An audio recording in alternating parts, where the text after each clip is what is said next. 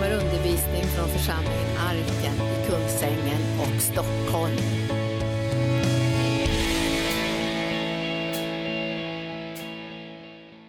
Jag har ett hjärta som brinner för dig. Det är för dig vårt hjärta brinner när vi hjälper barn, när vi hjälper vuxna på ett praktiskt sätt. Då vill vi sammanföra dem med dig, vår frälsarkonung, för det eviga livets salighet. Och vi ber dig nu heliga Ande, att du smörjer vårt innersta, våra ögon, våra hjärtan, så vi kan se tillsammans med dig vad det betyder för dig. Att vi ger vårt ja. Och vi lägger undan alla ursäkter, vi har inga ursäkter Jesus. Vi vill vara som de här unga människorna som gav sitt liv i Kina. Vi har inte ursäkter när jag har gift men jag kan inte komma. Jag ska vara med ett hus, jag kan inte komma. Jag har ett företag, jag har så många saker, jag kan inte komma. Vi lägger allt på altarplatsen för ett högre syfte. Vi vet att vi kan komma med våra barn, med våra hus och hem, med våra företag, allt vad vi äger och har ska få tjäna dig och ära dig. Vi kommer idag Herre med så djup tacksamhet. Vi vet att vi har fått se alla de här över 30 åren hur missionsarbetet har vuxit, expanderat och burit frukt, burit frukt ut över hela världen. I Jesu namn. Halleluja, tack för lovsången, tack för allt. Vi, har fått, vi får känna verkligen härlig närvaro av Gud. Kristina, har du gjort den här sången? Jag tror jag frågade någon gång förut. Du har gjort den här sången. Och nästa CD-skiva, lovsångsskiva, kommer att ha den här titeln. Jag har ett hjärta som brinner. Alldeles strax så ska vi kalla fram tre av de som arbetar med evangelisationen och tre som arbetar med missionen. Vi är många fler som arbetar med evangelisation och missionen. Men vi ska kalla fram tre som får representera varje gren. Och sen ska vi be att vi ska få den här starka, härliga enheten mellan det vi gör lokalt och internationellt. Det grep mitt hjärta när Gunnar talade om de här ungdomarna som var beredda att ge sina liv. Och det här såg jag också i Kongo när jag var där. Vi var på en stor kyrkogård i Kongo. Och det var mängder, mängder, mängder med unga människor som var 17, 18, 20 år som var missionärer som kom till Kongo och levde tre månader där. Och så fick de ge sina liv. Mängder, mängder, mängder med unga människor. Men när, när Gunnar talade så tänkte jag på en person som han ibland lyfter upp som heter Daga Dalvedyll. Hette hon så? Daga Dalvedyll, jättekonstigt namn. Men när Gunnar var liten så kom, kom hon ofta hem till deras hem sådär. Och det var så speciellt när hon kom då. För hon var den som, som, gjorde, som höll Kina levande i Sverige. Du vet, man kunde glömma bort missionärerna och alla de behov som de hade. Men hon tillhörde en grupp som höll, höll det här arbetet levande. Så hon gick runt och samlade in pengar och berättade om missionen och, och tog, tog, berättade om breven som kom från Kina och behoven som fanns där och höll det här levande. Hur viktigt är det inte med roten? Att man får hålla själva trädet starkt och vid liv för att de här grenarna ska kunna sträcka sig ut över hela jorden och bära frukt. Och jag tror att alla de som vi samarbetar ut över världen, de är så totalt beroende också av vår kärlek. Vi var i Kambodja för en del år sedan och så berättade de att de hade haft en stor sponsor som hade bara över en dag sagt så här att nej nu ska jag inte sponsra dem längre för jag vill göra någonting annat istället. Och de var, de var helt chockade. Därför att de hade byggt jättemycket på den här sponsorn som bara sa, nej men nu har jag lust att göra något annat, hej då. Och så sa de till oss så här, men ni, ni har inte gett sådana jätte, jättestora summor, miljontals kronor, men ni är det enda arbete, sa de, som har varit troget år efter år, månad efter månad. Det grep mitt hjärta. Och det tycker jag är arkens signum, det är trofastheten.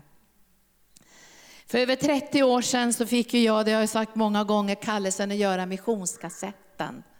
Och det, det handlar ju om när Herren kallade mig och talade in i mitt hjärta att jag skulle vara med och ge honom hundra hus. Hundra hus är inte särskilt mycket. Det måste ha varit ännu jobbigare för Abraham när han hörde att han skulle, få, han skulle bli en fader för alla folk över hela jorden som skulle nås med evangelium. Ett stort folk och genom det stora folket skulle alla människor bli frälsta. Och han såg ju väldigt lite, han fick ju sin löftesson. Men det var, det var ett, han fick ett ord från himlens Gud. Och Gud sa ju också till Adam och Eva, uppfyll hela jorden. Hur i världen skulle det gå till med två människor? Och sen säger han till oss när vi ska föra ut evangelium, gå ut i hela världen. Så det verkar som att Gud börjar i ett hjärta och sen kopplar han ihop hjärta efter hjärta, efter hjärta, efter hjärta, efter hjärta. Och så blir det ett stort folk. Och det är Guds dröm, att få se ett stort folk. Och jag kommer ihåg än idag när jag satt där, vi hade ju inga möbler på den tiden, så vi, vi bodde på golvet, vi hade kuddar, vi bodde på kuddar, det gick ju bra också. Det är lite svårare när man är lite äldre att sitta i den ställningen varje dag. Då behöver man kanske en, en soffa. Men vi, bodde, vi hade kuddar, vi levde ju väldigt spartanskt. Och då kom den där kallelsen när Herren talade och jag, jag såg världen genom Jesu ögon. Jag har inte haft stora uppenbarelser och mitt mandat är väldigt begränsat egentligen. Men jag vill vara trogen det som Gud har kallat mig till i arken. För jag vet om att det här är ingen privatgrej, det här är det vi gör tillsammans när Gud sammanfogar våra hjärtan. Men jag sa ja i alla fall. När Herren genom, genom hans ögon så såg jag Filippinerna. Alltså jag har sett idag det jag såg i Göteborg för över 35 år sedan, så har jag sett idag. Barnen på gatorna, drogmissbrukarna som har lagt sina barn på en kartong på gatan. Halvdött barn. Soptipparna människor som dog. Vi har sett allt det där. Men jag såg det först genom Jesu ögon. Och då var ju min fråga, hur i all världen ska man kunna göra något i all den här nöden? Och jag hade ju inga pengar, jag hade ingen, ingen rik familj, jag hade ingenting att sälja. Och många gånger känner man ju så i själva kallelseögonblicket. Så måste ju Abraham ha känt, så måste ju Moses ha känt, så måste ju alla de här som blev kallade av Gud känt när Gud, själva kallelsen kom. Och jag sa ju till Herren, jag har ingenting att ge till hundra hus. Hur ska jag kunna bygga hundra hus över världen utan resurser? Och då sa Herren, men du har väl någonting? Eh, jag tänkte, vad har jag för något? Fula Jesusklänningar hade jag ju. Den var ju ganska skabbig, det hade gått ganska många år.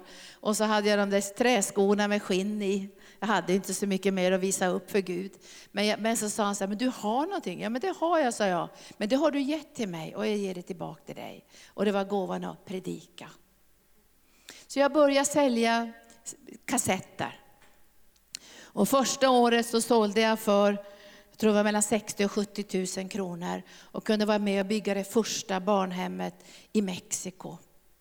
Och det har vi lämnat, det är lämnat över nu till Rolf Aukes arbete. Så Rolf Auke som är hemma i himlen, hans medarbetare driver det här barnhemmet nu i Mexiko och driver det vidare. Och sen fortsatte det här och ibland var det över tusen prenumeranter, ibland gick det ner och blev mindre. Och ni alla som är med i arken, ni hör ju mina predikningar för det mesta. Men att få ge det här vidare till någon i julklapp eller att man, man ger till en granne och säger, när du lyssnar på det här så är du med och bygger barnhem. Jag vet inte hur många miljoner som har kommit in genom den här missionskassetten genom året. Jag tittar inte ens på det, men jag tror att det har välsignat mängder med barn att nås av evangelium ut över hela världen. Och vi är med i någonting större än våra egna liv. Visst är det härligt? Det? Och jag, när jag förberedde mig den här morgonen så kom det ett konstigt ord först. Jag ska inte det jag ska predika, men det blir liksom inledningsordet. Och det var ifrån första Moseboken 11, men du behöver inte slå upp det, jag bara citerar det. Och det handlade om Babels torn. Du vet att de här människorna som ville bygga Babels torn, de ville bygga, ge ett namn till sig själva. De ville ge sig själva ett namn. De ville bli stora. Och det står i första Moseboken 11 att de ville sprida sig ut över hela jorden och göra sitt namn stort över hela jorden. Vår önskan är att Jesu namn ska bli stort över hela jorden. Visst är det härligt? Det, det är Jesu namn. De ska bli stort över hela jorden. Och då säger Herren så här, de är så eniga det här folket, så de kommer att kunna göra allt vad de företag sig. Därför att de är så eniga. De är eniga i språket och de är eniga i sitt sinne. De är eniga i sitt uppdrag och ingenting kommer att kunna hindra dem. Och då såg ju Gud att det här skulle bli väldigt ondska för de skulle göra sitt eget namn stort. Och då går Gud ner och förbistrar språket. Så att de, de ska inte förstå varandra något längre. Och så spreds de över hela jorden med, med, med olika språk och det här ser ju vi idag. Men du vet att vi har fått ett språk i den heliga Ande som skapar en enhet. Och det språket vet vi ju är tungotalet. Så när man reser över hela världen, som jag gör ibland eh, på olika ställen, till, jag kommer ihåg när jag var i Singapore, helt annan kultur, helt annat sätt att leva, helt, helt, liksom, en helt annan värld. När de hämtade mig så hade, skickade de Bush, de hade en säkerhetsvakt som hade tagit emot, då var ju Bush president. Den säkerhetsvakten hämtade mig på flygplatsen förde mig till ett det mest lyxiga femstjärniga hotell. Och när de hämtade mig så sa de, så här får du inte komma, sa de. Och så tittade de på mina fula resväskor och sa, du får inte komma med sådana här resväskor. Imorgon ska vi köpa dig nya resväskor. Det här är inte bra. Och så här får du inte se ut heller, sa de. Och de tog mig till några lyxiga shoppingcenter och skulle överösa med grejer. Och jag tänkte, det här är en helt annan värld. Men när vi började tala i tungor, då kände jag, och så när vi är de är de fattigaste av fattiga, de som inte ha någonting. Helt annan kultur. Men när vi börjar tala i tungor, då känner vi enheten all kultur, alla färger, all hudfärg, alla inställningar, allt det. Det bara försvinner. När vi talar i tungor kan vi känna enhet med människor ut över hela jorden. Vilket mirakel. Och då säger Herren, och jag, jag ska, ska ta det här bara en liten stund. Alltså, han säger så här att enhet är ingenting som vi ber om egentligen, för den är redan given.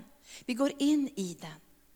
Vi går, in för att, vi går in i den därför att vi älskar Jesus. Och när vi går in i enheten och ställer oss i den här enheten, då låter vi Gud rensa undan saker. Alltså vi säger heliga Ande, bara rensa undan saker. Rensa undan en massa åsikter, en massa missnöje, en massa synd, en massa allt möjligt, min egen synd, andra synd. Rensa undan det. Så att ljuvligheten i den heliga Ande kan uppenbara sig, för då får vi samma språk. Vet du, när vi inte har samma språk, då börjar vi missförstå varandra. Och det här, det här är djävulens listiga angrepp. Han förbistrar språket. Så vi plötsligt inte förstår varandra, vet inte vad vi pratar om, vi har helt olika åsikter, vi träffas och... Men heliga Ande, han skapar någonting så underbart och ljuvligt och vackert som gör att vi som församling kan göra det omöjliga möjligt. Jag har varit på två konferenser den här veckan. Först jobbade jag med Awakening ganska länge, ända från i våras. Och jag har varit med i det inre teamet av Awakening med Ben Fitzgerald, den här unga killen, lite drygt 30 år, och hans lilla team omkring sig. Det som imponerade mig, det var det som inte såg ut någonting i våras. Det såg skruttigt ut. Men det fanns en enhet och jag visste när jag mötte de här unga människorna som kom från Tyskland, som kom från Amerika runt Ben Fitzgerald, så visste jag att vi kommer att få bönesvar. Vi kunde, i, I våras så kunde man tänka, kommer det, kommer det tusen stycken till Friends Arena? För det såg så skruttigt ut. Men det fanns en enhet. Och det var inte en enhet som var konstruerad, det var en enhet som man bad sig in i för att få in uppdraget i sitt hjärta. Det kom 30 000 till Friends Arena. Men det som imponerade mig var enhet, det har alltid imponerat mig. Alltså den enhet som är hjärtats enhet. Och sen var jag på en annan konferens också i veckan och det var tillsammans med, med Anders Gärdman i Uppsala där vi hade en konferens som heter Reformation. Och där var det två lite äldre ledare som var huvudtalare. Det var Sven Nilsson som var 88 år, skärp till tusen, kraftfull smörjelse. Och så var det Colin Urka som är snart i 80-årsåldern och budskapet var, var trogen in till döden så ska jag ge dig livets krona.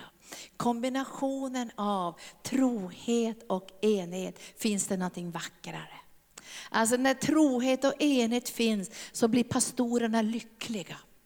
Och ledarna blir lyckliga. De bara känner wow, de lägger sig på kvällen och bara Hoo! De är bara lyckliga. De vet att ingenting kommer att hindra oss, ingenting kommer att stoppa oss, ingenting kommer att kunna stå oss i vägen. Allt som Gud kallar oss till kommer vi kunna genomföra. Och ibland ser det skruttigt ut. Det såg skruttigt ut när vi skulle träffas i våras. Då kom de i det här lilla teamet från Amerika och de kom från Tyskland och vi skulle träffas i Södermalmskyrkan och vi hade gjort jättefint där. Och det blev verkligt skruttigt för det kom kanske bara jag och eh, Tore Brings och några till, så det var lite skruttigt. Men, vi, men jag och Tore Brings vi skulle tala till, till GAR, genom GAR TV till miljoner människor via GAR TV. Och vi stod tillsammans där i kafeterian i Södermalmskyrkan och så sa vi, this event is going to be the biggest ever in Sweden. Och vi tänkte så här, det kändes som man stod och fantiserade där i foajén. Men vi kände halleluja, finns det enhet så kan ingenting hindra det som Gud har på sitt hjärta. Jag ska läsa den här texten och sen ska vi ta varandras händer. Jag hoppas inte ha för bråttom idag för jag har ett annat, jag börjar känna att jag har ett annat, ja, mitt riktiga budskap kommer om en stund. Men Salta salmen 133, för det här kändes så viktigt. För ska vi kunna fortsätta att gensvara, jag tror inte vi är uppe i hundra husen, vi har en liten bit kvar. Men det står i salm, Salta salmen 133 och jag känner det här är något som Gud håller på att föra in i arken. För vi är på väg till nästa nivå för att kunna göra mycket, mycket mer utöver världen. Men de vi samarbetar med, de måste veta att vi är trofasta. De måste veta att vi har enhet, att vi älskar det här som Gud gör i arken. När jag möter andra ledare som typ Ben Fitzgerald och Anders Gerdman och blir inspirerad av vad som sker, så tänker jag alltid så här, det här ska jag föra till arken. Det här ska till arken. Där ska in i arken. Där ska välsigna arken. Där ska styrka arken. Där ska lyfta arken. Jag är en arkentok. I varenda möte jag står, om jag skulle stå i, i Friends Arena med 30 000 eller med Gerdman, med Colin Örk, så tänker jag så här, arken, arken det är mitt hem, det är min älsklingsplats. Där ska in i arken. Där ska arken få känna, där ska arken få njuta och där ska vi tillsammans ta emot ifrån himlen. Så tänker jag alltid. Och så står det så här, underbara ord. Se! Här står det se! Hur gott och ljuvligt det är. Se! Det här är ingenting vi bara fantiserar om, där ska vi kunna se. Se hur gott och ljuvligt det är när bröder bor enigt tillsammans. Alltså vi bor i arken i anden i ett uppdrag som vi har fått från himlens Gud. Och så står det så här, det är som när den fina oljan på huvudet rinner ner över skägget, över Arons skägg, ner över kragen på hans dräkt. Det är som när Hermos dag kommer ner från Sions berg. Där skänker Herren välsignelsen, liv till evig tid. Och jag tänkte vi skulle ta varandras händer och så ska vi bara be att den här ljuvligheten i enheten ska få fortplanta sig. Och när vi gör det ska vi bara säga, Låt allt, om det finns missnöje, åsikter, negativa tankar, ouppgjorda saker, och egen synd, andra synd, vi har någonting emot någon eller det är någonting som skaver någonstans, så bara släpper vi det idag. För Herrens ande är på väg och lyfta den här platsen till att få större inflytande ut över världen. Men inte bara ut över världen utan också lokalt. Därför ska vi be för det lokala och det internationella och koppla ihop det idag. Den lokala evangelisationen och det internationella utriktade arbetet ska få kyssas tillsammans och det ska få mötas i kärlek och sam, samsyn och enhet. Och vi tackar dig nu. Ta varandras händer. Ta varandras händer nu. Gå, gå nära varandra, ta varandras händer och så ber vi till Jesus. Ta varandras händer, låt kärlekssmörjelsen få flöda. För vi har överlåtit oss till Herren. Vi har överlåtit oss till hans underbara kallelse för våra liv.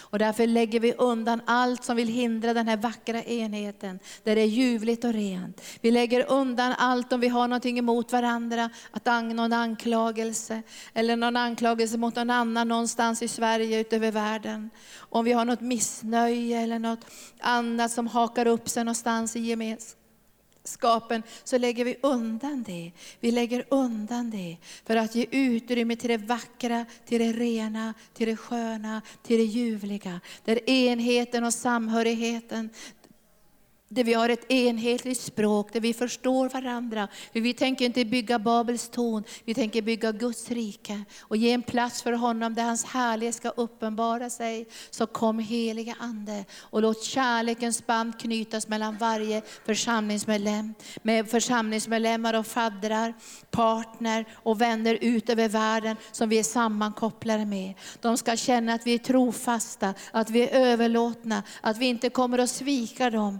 att vi kommer att stå där även när det stormar och när attacker kommer, så finns vi där. Därför arkenrötterna är djupa, de är inte grunda. Vi flaxar inte hit och dit. Vi kastas inte runt av varje vindkast i läran. Vi slängs inte hit och dit av varje inspiration som vi får, utan vi för hem frukten som de, de spejarna gjorde, förde hem frukten för att visa Guds godhet. Så kom nu heliga Ande, vara flöda bretente, ki osaidia, broginaya endroki, tesokaya ekoseidia. Och allt som är hinders röjs undan just nu.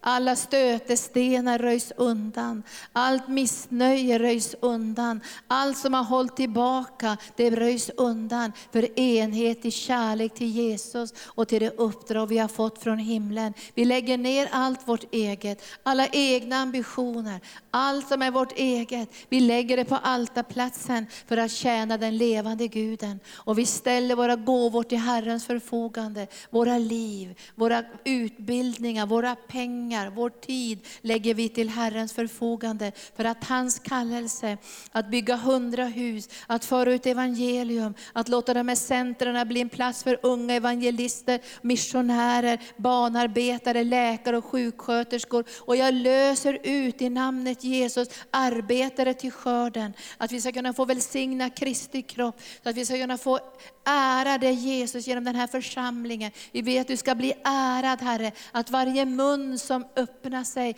är tacksam, fridfull, godhjärtad och mild. Vi ber dig heliga Ande att vi ska få många dagar Dalvedyll som gör reklam och vill lyfta fram Arkens missionsarbete. Så ännu mera partner, ännu mera resurser flödar in i Arkens arbete. Och nu välsignar jag vår gemenskap i Jesu namn. Amen. Nu ska vi bjuda fram Magnus, Magnus Karlsson, Cecilia Andersson och Hanna Riski. Och sen ska vi bjuda fram Anita, Elsmarie och Göran.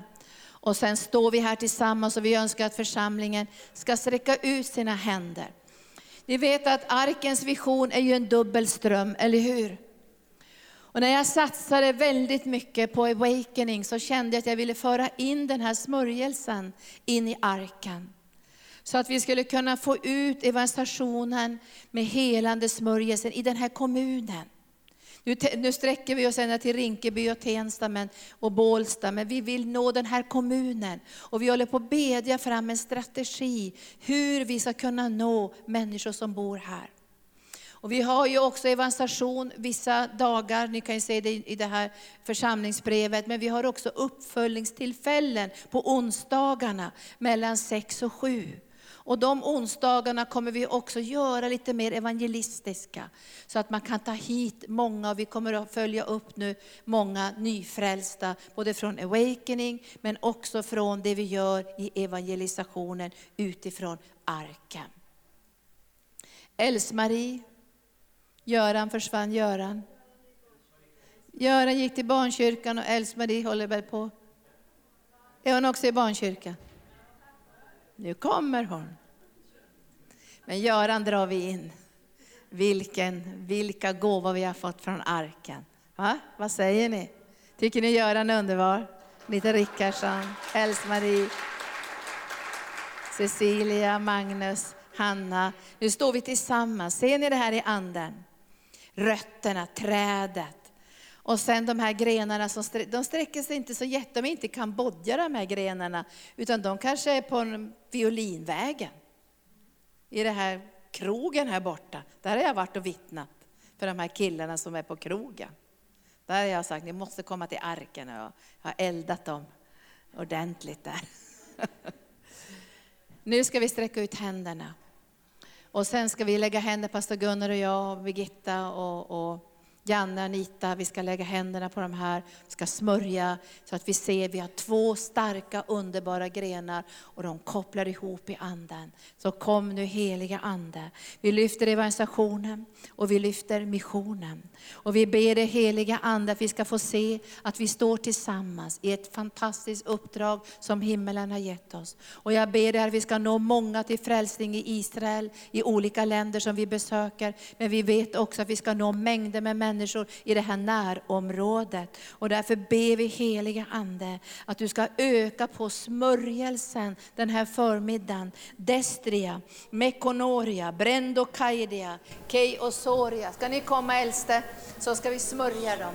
Kei a a a ma i a si kendro o rakeneidia. Pregodoria, vi bara lyfter Rockinande, Rendro, kora, e, e, e, Massikajaria, Brenjoria, Sentokoria. Och vi bara ber om en dubbel smörjelse för evangelisationen, en dubbel smörjelse för missionen. Vi ber att alla som har varit på team ska koppla ihop med missionsdelen. Och alla som har varit på team ute här, också runt området här, ska koppla ihop på ett nytt sätt från den här dagen. Så vi ska känna styrkan från gemenskapen, styrkan från uppdraget, styrkan från om mandatet. Och vi ber idag om en dubbel smörjelse, en dubbel smörjelse. Halleluja. Glöm inte bort att be för alla som arbetar med evangelisationen.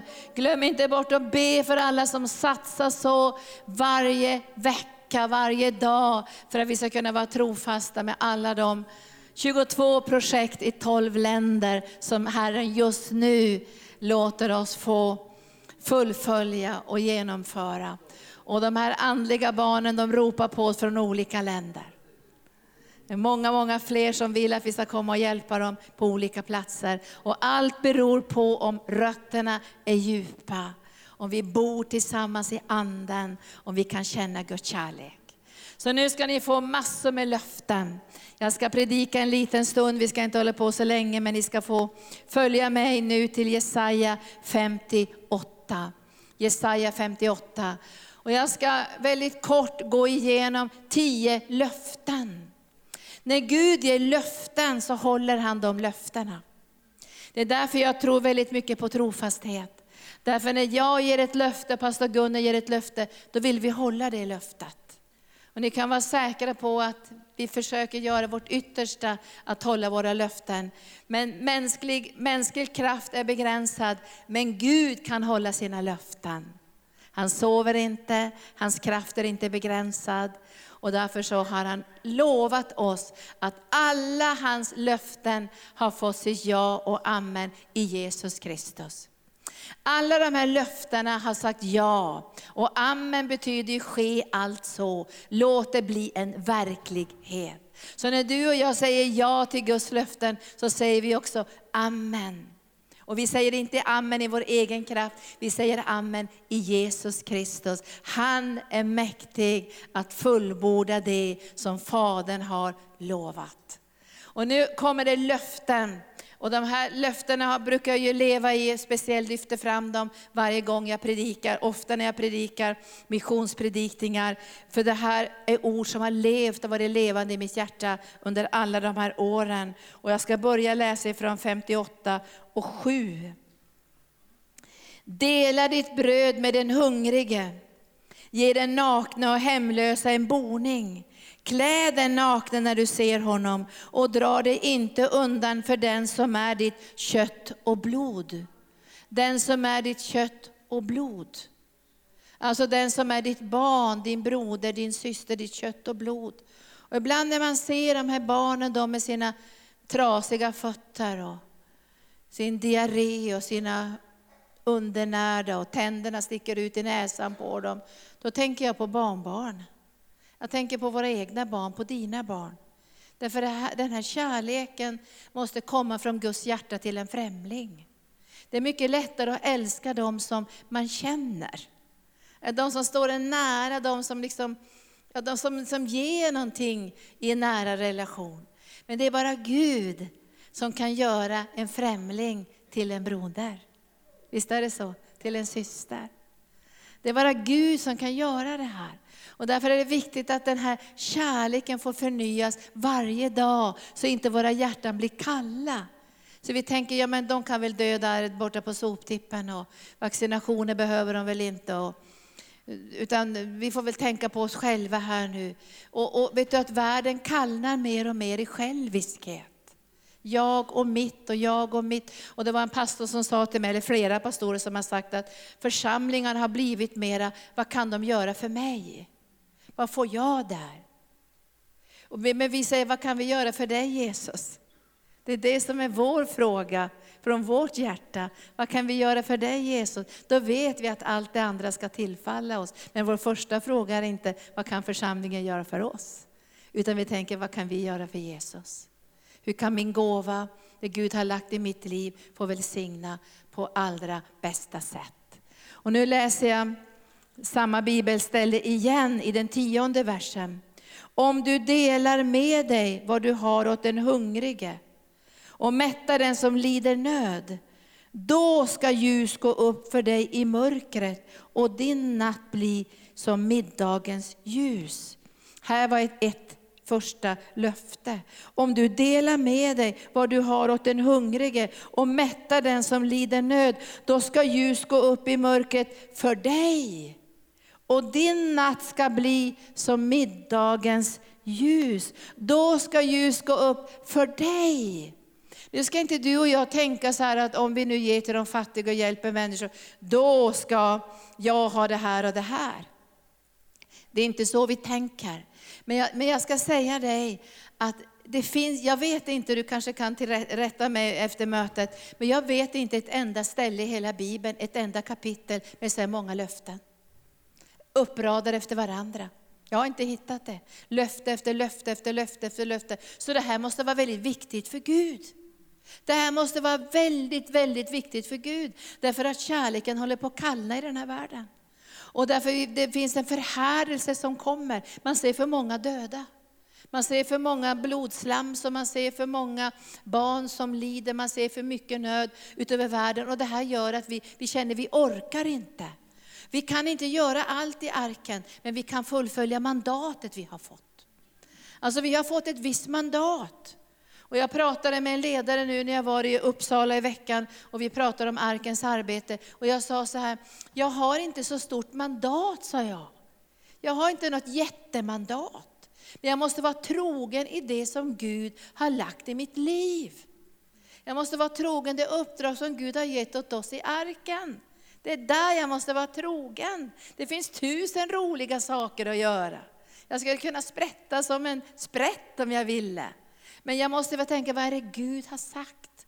Vad är det Gud har kallat mig till? Vad är det Gud som har lagt i mitt hjärta för arken? Och jag känner att jag måste vara trogen själva uppdraget. Och då tänker jag så här, det här måste vara väldigt viktigt för Gud när han överöser oss med löften. Vad säger ni?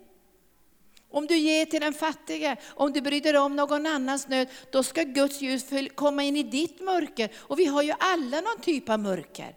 Det går inte att jämföra med det som sker över världen, där man ser sina barn bli våldtagna och dödade.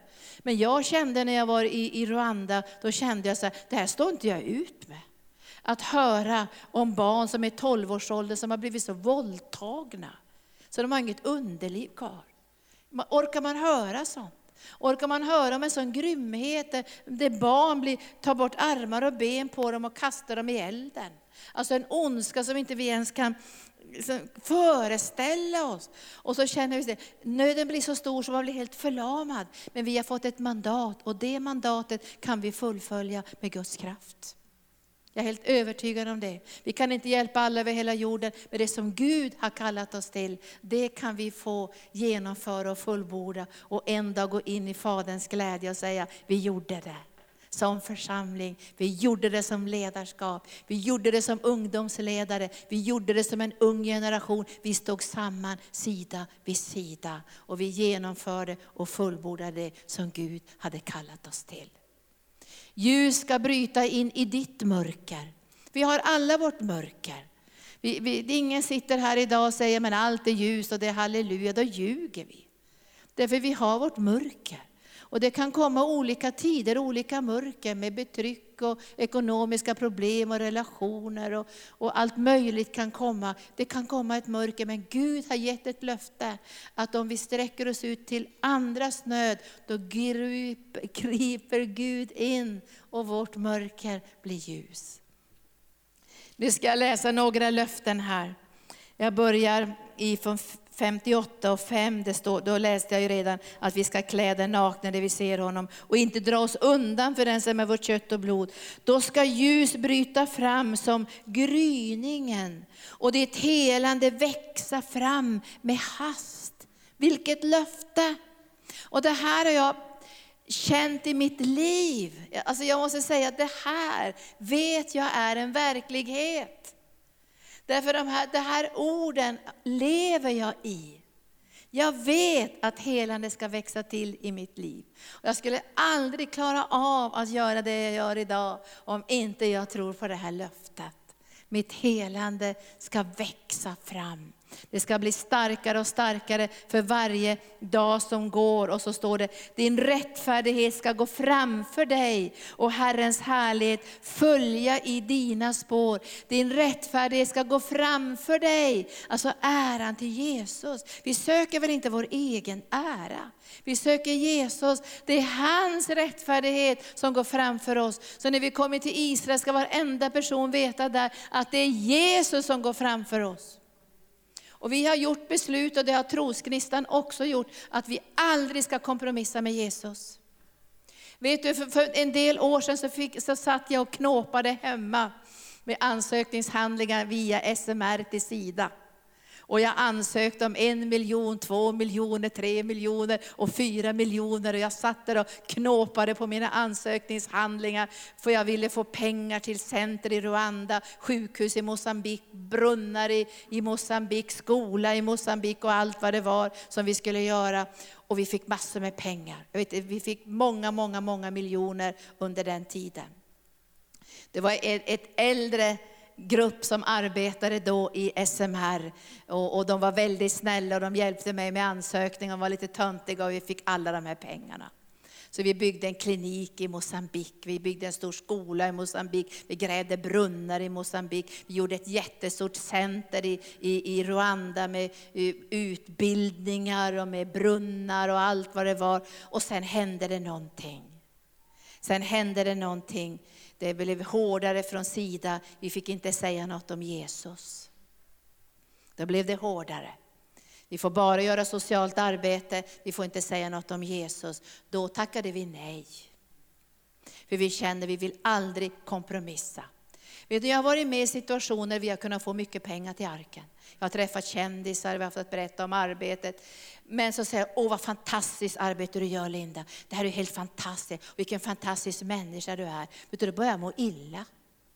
Därför är det Guds rättfärdighet som går framför mig. Och då säger jag så här, nej säger jag, det är inte jag som gör det här, det här är Jesus. Och alla de syskon som kopplar ihop med oss över Norden därför att de älskar Jesus. Jag skulle inte göra något av det här om inte jag älskade Jesus. Jag älskar Jesus. Då kan vi förlora pengarna. Men jag förlorar hellre de pengarna än att jag förlorar det som är viktigast i mitt hjärta, att lyfta upp Jesus. Får jag en applåd för det där? Så vi har kommit överens, trosgnistan och kanske också andra arbeten, att vi tänker inte ha pengar och kompromissa. Vi måste få föra ut evangelium och därför tror vi att pengar måste komma in på andra vägar genom människor som älskar Jesus. Därför min rättfärdighet måste gå framför mig. Och Guds härlighet måste gå bakom mig i det vi gör för människor ut över hela världen. Men så säger Herren, min, din rättfärdighet ska gå framför dig och Herrens härlighet ska följa i dina spår. Och nu kommer nästa löfte. Då ska Herren svara när du åkallar honom. När du ropar ska han säga, här är jag. Vilket fantastiskt löfte. Alltså det är människor som ropar ut över jorden och vi blir bönesvar, hur vi vidgar våra hjärtan. Men när, när din nöd kommer, då lovar Herren att då kan du ropa och han kommer att säga, här är jag. Vi har sett det här många, många gånger i arken genom åren. När vi har sträckt oss ut till människor i nöd, när vi har kämpat för olika projekt. Och vi hörde nu de här vännerna i Guatemala med djungelskolan. Då, då viskade de till mig och sa så här, ja Linda vi, vi har nog varit på väg att lägga ner djungelskolan. För vi har inte fått in de medel som vi behöver. Men djungelskolan är fantastiskt underbar och den ska inte läggas ner.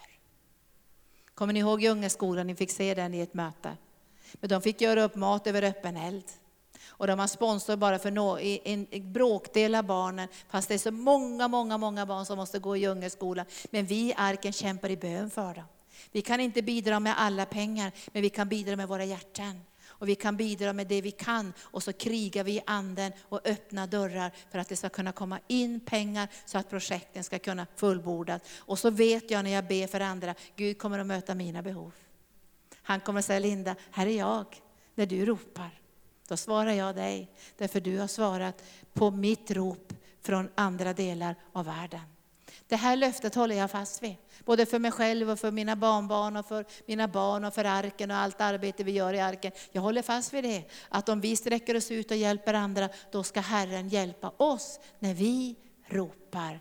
Fantastiskt löfte. Fantastiskt. Jag säger, det här är för bra för att vara sant nästan. Och så säger han då i tionde versen, det har jag redan läst, om du delar med dig vad du har åt den hungrige och mättar den som lider nöd, då ska ljus gå upp för dig i mörkret och din natt ska bli middagens ljus. Och Herren, nu står det fantastiskt elfte versen, och Herren ska le, alltid leda dig. Alltså här är ett löfte om ledning. Vi behöver ledning i arken. Inte kötslig mänsklig ledning, andens ledning hur vi ska få in pengar, hur vi ska få in sponsorer. Och jag tackar Gud för alla dessa företagare som har hjälpt oss nu. Det är bönesvar som är positiva och öppna i sina hjärtan. Herren ska leda oss och lyssna nu, han ska mätta dig i ödemarken. Och det här håller jag tag i varenda dag och han ska ge styrka åt benen i din kropp. För ni såg mig där i Israel, jag tror det var nästan 40 grader. Varmt. Vi stod ute mitt i öknen var det. Det fanns ingen aircondition där. Och när vi hade bett och vi hade bett och vi hade bett och vi hade bett, då tittade jag ner och såg hjälp. Vad, vad har hänt med min fot? Men det var mitt eget fel. Jag hade jättehögklackade skor. Så, vad har hänt med min fot? Ena foten var helt svullen när jag stod där. Nästan 40 plusgrader. Och så tänkte jag så här, det finns ett löfte. Han ska ge styrka till benen i din kropp. Varje dag ber vi, tack Jesus. Vi sträcker oss ut över världen, vi hjälper människor. Du har lovat att hälsan ska växa till, du ska ge styrka till benen i min kropp så jag ska klara av det uppdrag som du har gett oss här i arken. Det finns en styrka som inte har med ålder att göra. Och jag tänkte det när jag såg Sven Nilsson och Colin Urquhart. Colin hade liksom blivit lite böjd i ryggen så här och lite liksom, båda var ganska gråa. Men när de öppnade munnen, wow! Då kände jag, det var orkanstyrka. Vilken smörjelse, vilken skarphet. Vilken koppling till ordet, vilken trofasthet i anden. Och jag kände, det finns en styrka när vi sträcker oss ut. Vi ska inte tänka så här, åh vi orkar inte sträcka oss ut mer, det blir för jobbigt det här. Utan vi ska tänka, jag ska få styrka i benen, i min kropp. Och inte bara det, vilket, det här är för bra för att vara sant Gud. Menar du vad du säger? Du ska vara som en vattenrik trädgård och likna en källa vars vatten aldrig sinar. Står i elfte versen. Aldrig sinar. Och jag vill ge er ett löfte idag, det var Herren säger, det sinar inte. Alltså vår ekonomi kan sina, men Guds ekonomi sinar inte. Gunnar var så gullig igår, jag tänkte han kom ju inte på mötet igår, han satt hemma och så på internet. Så jag tänkte jag ska ta upp kollekt åt Gunnar, tänkte jag. Nu får vi ta upp kollekt åt Gunnar, tänkte vad ska, vi, vad ska Gunnar ge i kollekt, tänkte jag. Så jag tänkte han ska få ge 11 000 ikväll, sa jag. Jag hade inte frågat honom, men jag tänkte det blir 11 000, han får ge 11 000 i kollekt. Så jag kom hem på kvällen, ho, ho, ho, ho. Du fick ge kollekt igår. Hur mycket då? Men jag vet, det finns en källa som aldrig någonsin ska sina. Du får inte ge kollekt åt någon annan, utan jag vet Gunnar är godhjärtad. Så jag vågar inte lägga till dig att ge kollekt för mig, utan du får ge kollekt för dig själv. Men jag håller fast vid det här. Du ska bli en vattenrik trädgård och likna en källa vars vatten aldrig sinar. Vår ekonomi kan sina, vår, vår naturliga kan sina, men när vi kopplar det med Herren, det sinar inte vänner. Därför det är ett löfte. Prata inte med varandra om att det sinar, det kommer inte räcka. Det kommer det visst att räcka. Om vi är kopplade till en annan källa än det här begränsade mänskliga som vi ser med våra ögon. Och nu kommer det sista som jag håller fast vid att tacka Jesus för de här orden. Då står det så här, dina avkomlingar skall bygga upp de gamla ruinerna och återställa grundvalar från forna generationer. Du ska kallas den som murar igen sprickor, den som återställer stigar så man kan bo i landet avkomlingarna, alla de som har kontakt med vårt arbete, alla barn och ungdomar. Vi ber mycket för barnen och ungdomar för vi tror att vi måste stå alla generationer tillsammans. I Awakening så var det en ung predikant som sa att när Gud gör någonting nytt så lyfter han upp den unga generationen. Men jag skulle vilja komplettera med att säga, när Gud gör någonting nytt så lyfter han upp alla generationer. Det fanns ingen jungfru Maria utan Elisabet. Har ni tänkt på Elisabet och Sakarias? Det var inte Elisabet som profeterade den långa, eh, långa profetian, det var Sakarias. Det var Elisabet som var gravid och Maria och Elisabet fick mötas i anden och barnet spratt till. Det, finns inget, det sker ingenting nytt i landet om det finns en Hanna som är 84 år och ber i templet. Det finns ingen förnyelse om inte en Simeon har hört från himlen att få se Messias. Det finns inget land att inta om inte en Joshua är vid uppenbarelsetältets öppning.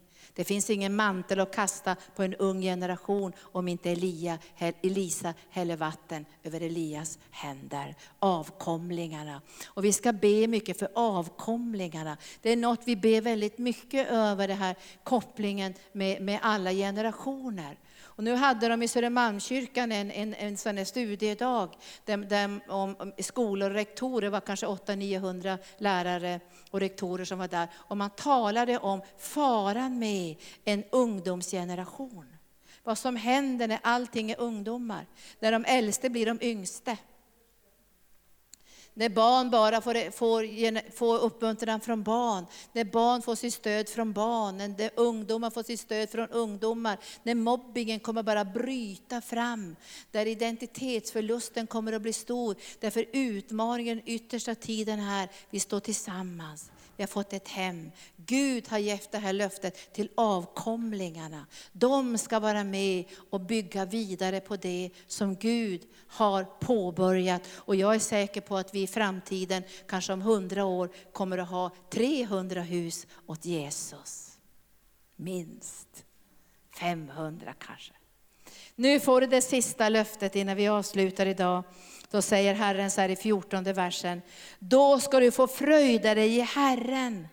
Och jag ska föra dig fram över landets höjder och låta dig njuta din fader Jakobs arvedel. Så har Herrens mun talat. Du ska få fröjda dig i anden. Och att få sträcka sig ut och bli en kanal till de fattigaste av fattiga. Till de mest lidande människorna. Och vi märker ju i Israel också, vi är inte där med höjdarna.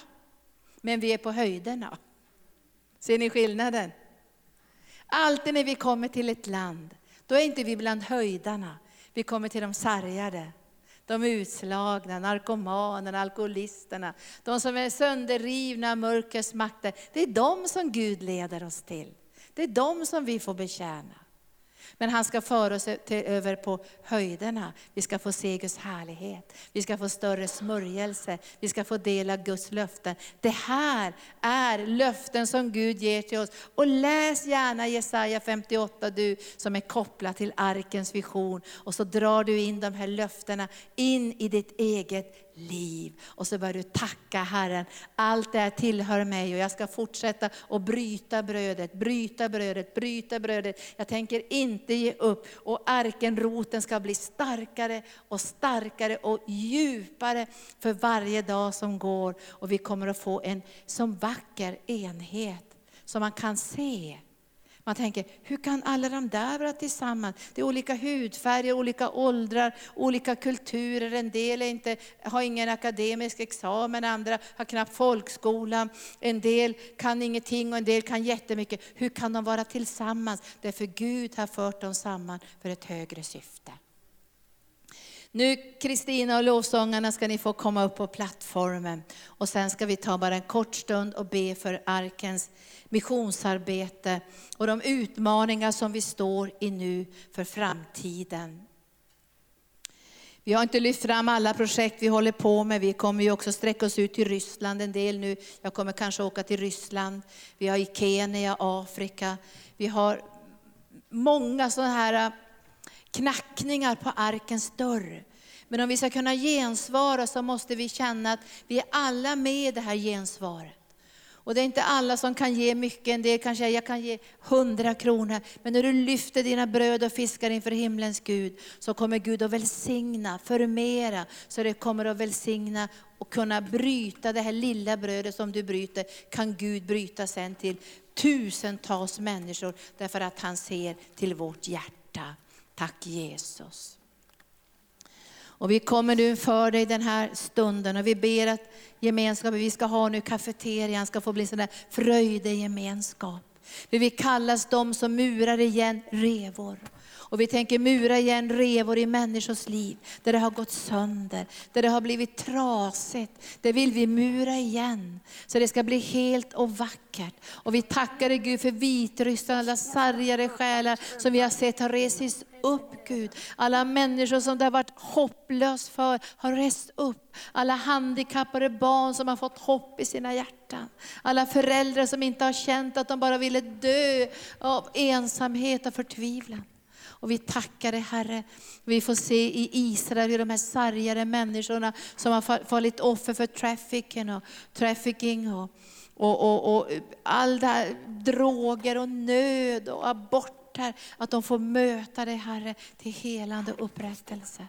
Alltså vi är så tacksamma Jesus. Du ska veta att vi är så tacksamma. Och därför vill jag lyfta upp Herre, arkens missionsarbete. Och jag ber dig helige Ande att vi ska få den här glädjen när vi är faddrar. Glädjen i agape.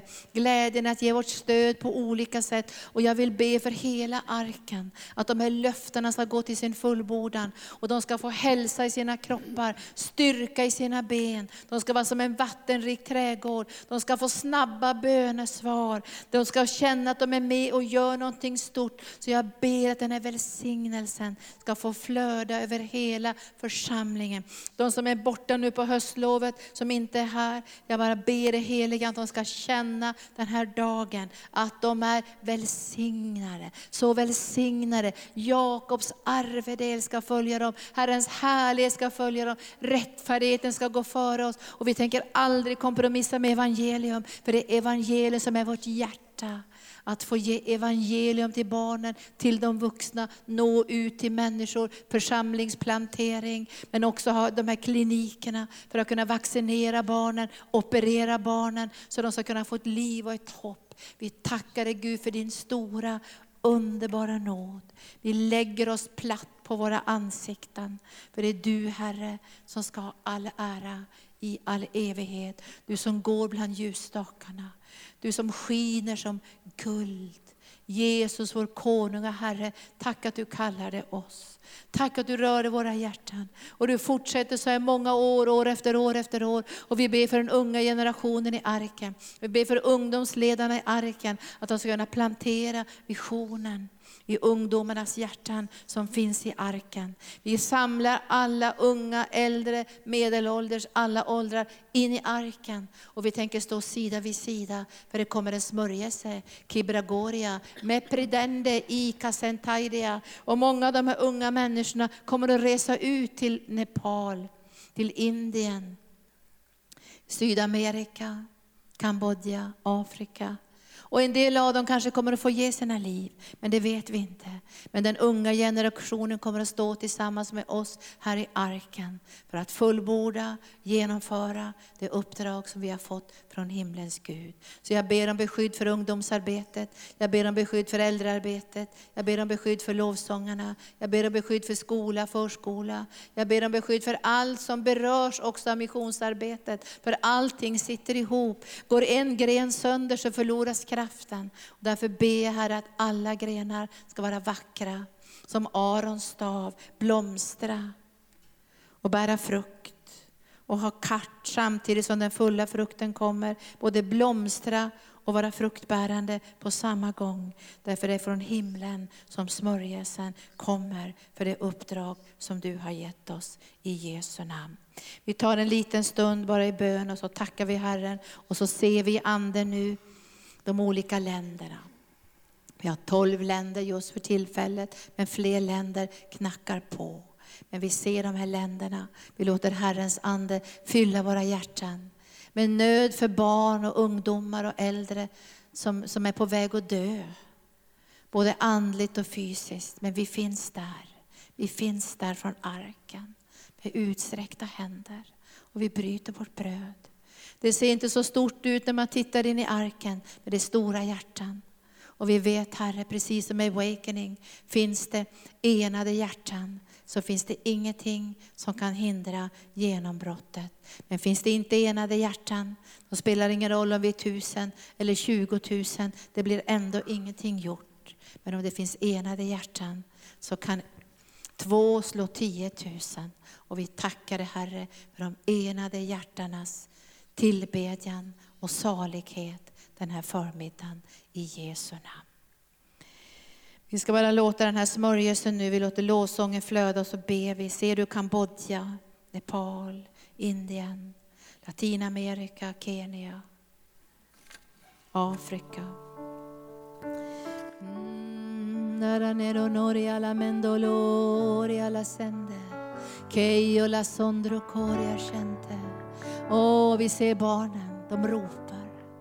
Barnen som är så skadade i sina ansikten. Deras tänder kommer ut i näsan. Men vi kommer att hjälpa dem. Vi finns där med en utsträckt händ från arken. Med kärlekssmörjelse. Låt bara kärleken fylla dig. Åh, du kanske känner din kraft är ringa, det spelar ingen roll. För hans kraft är inte ringa.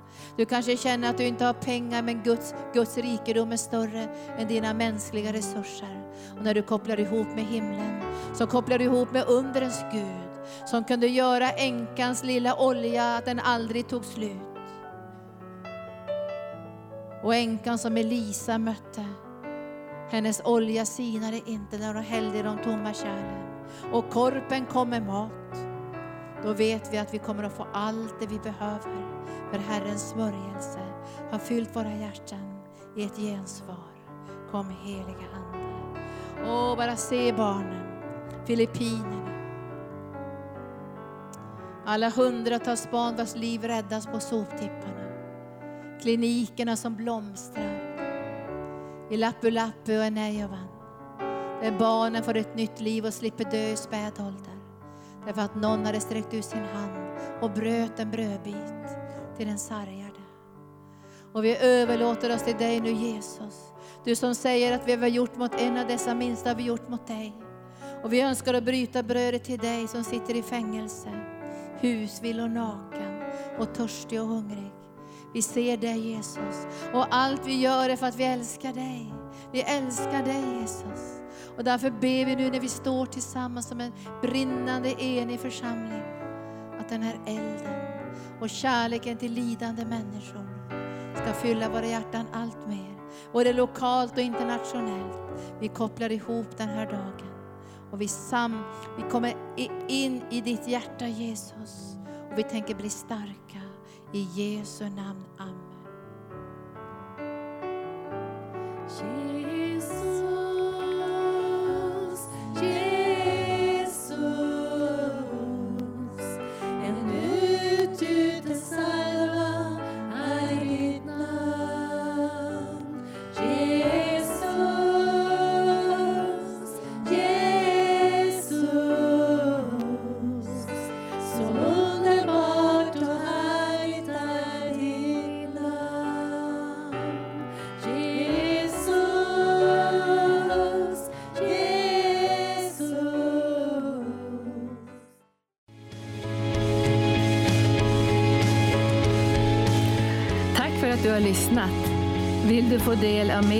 information om församlingen Arken, vår helande tjänst, bibelskola och övriga arbete, gå in på www.arken.org.